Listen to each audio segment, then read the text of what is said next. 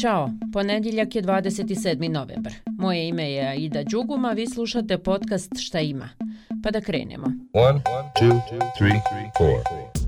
Zasjeda vijeće ministara Bosne i Hercegovine, a državni ministri bi trebali da razmatraju donošenje odluke o osnivanju radne grupe za izradu zakona o graničnoj kontroli. Ministarstvo sigurnosti je predlagač i predstavit će plan mjera i za efikasno upravljanje migranskom krizom u BiH, zaključno sa 30. junom. A trenutno, granična policija ima manjak ljudi.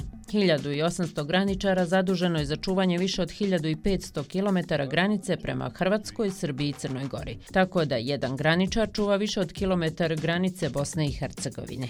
Slavko Matić, član parlamentarne komisije za odbranu i sigurnost, objašnjava. Trenutno nedostaje 600 graničnih policajaca i bit će problem početkom naredne godine ako se ne ubrza taj proces natječaja i obučavanja.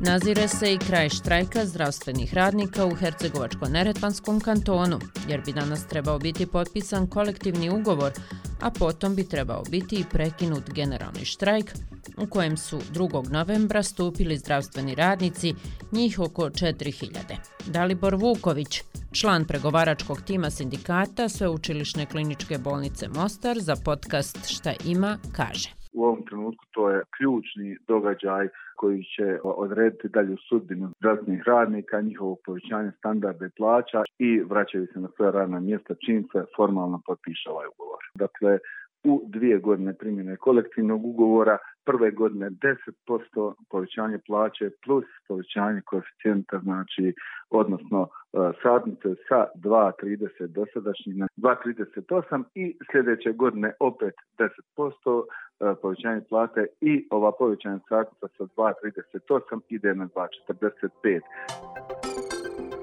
A u Sarajevu će upravni odbor najveće zdravstvene ustanove u BiH, dakle kliničkog centra, imati sjednicu i na dnevnom redu razrešenje aktualne direktorice kliničkog centra imenovanje VD direktora.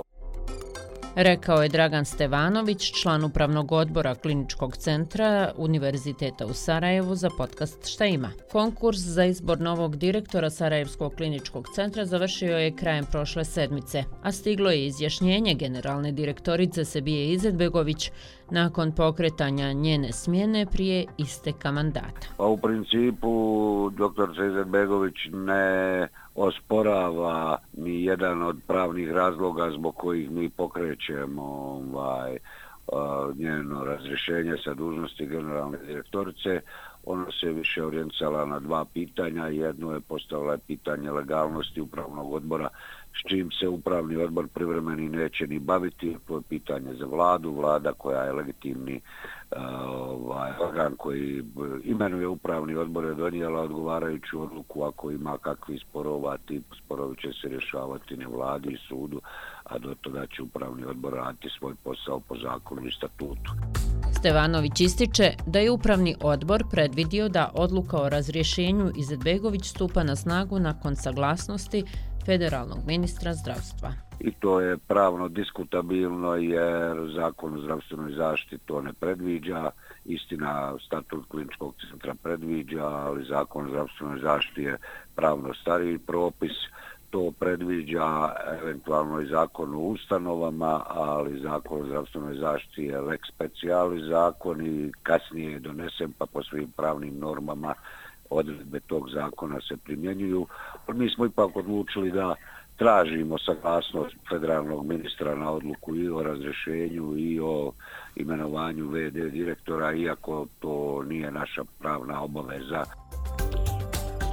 Prije vremeno razrješenje Sebije Izetbegović upravni odbor je pokrenuo jer ona više ne ispunjava uslove za obavljanje te pozicije nakon što su joj oduzete akademske titule, kao i profesura na Medicinskom fakultetu u Sarajevu. Kako je direktorica najveće zdravstvene ustanove u BiH izgubilo zvanje profesorice, poslušajte u podcastu između redova pod naslovom Sve uloge prve dame u Bošnjaka. Još da napomenem da Srpsko prosvjetno kulturno društvo Prosvjeta iz Sarajeva ima promociju reprinta zbirke narodnih pripovjedaka iz Bosne i Hercegovine Poljsko cvijeće, autorice Jelice Belović. Bajke će čitati dvije izuzetne umjetnice, glumica Tatjana Šojić i Željka Lemez iz udruženja Bajka. zanimljiv ponedjeljak. Želim da vam bude uspješan i lak početak radne sedmice. I čujemo se ponovo sutra. Ćao!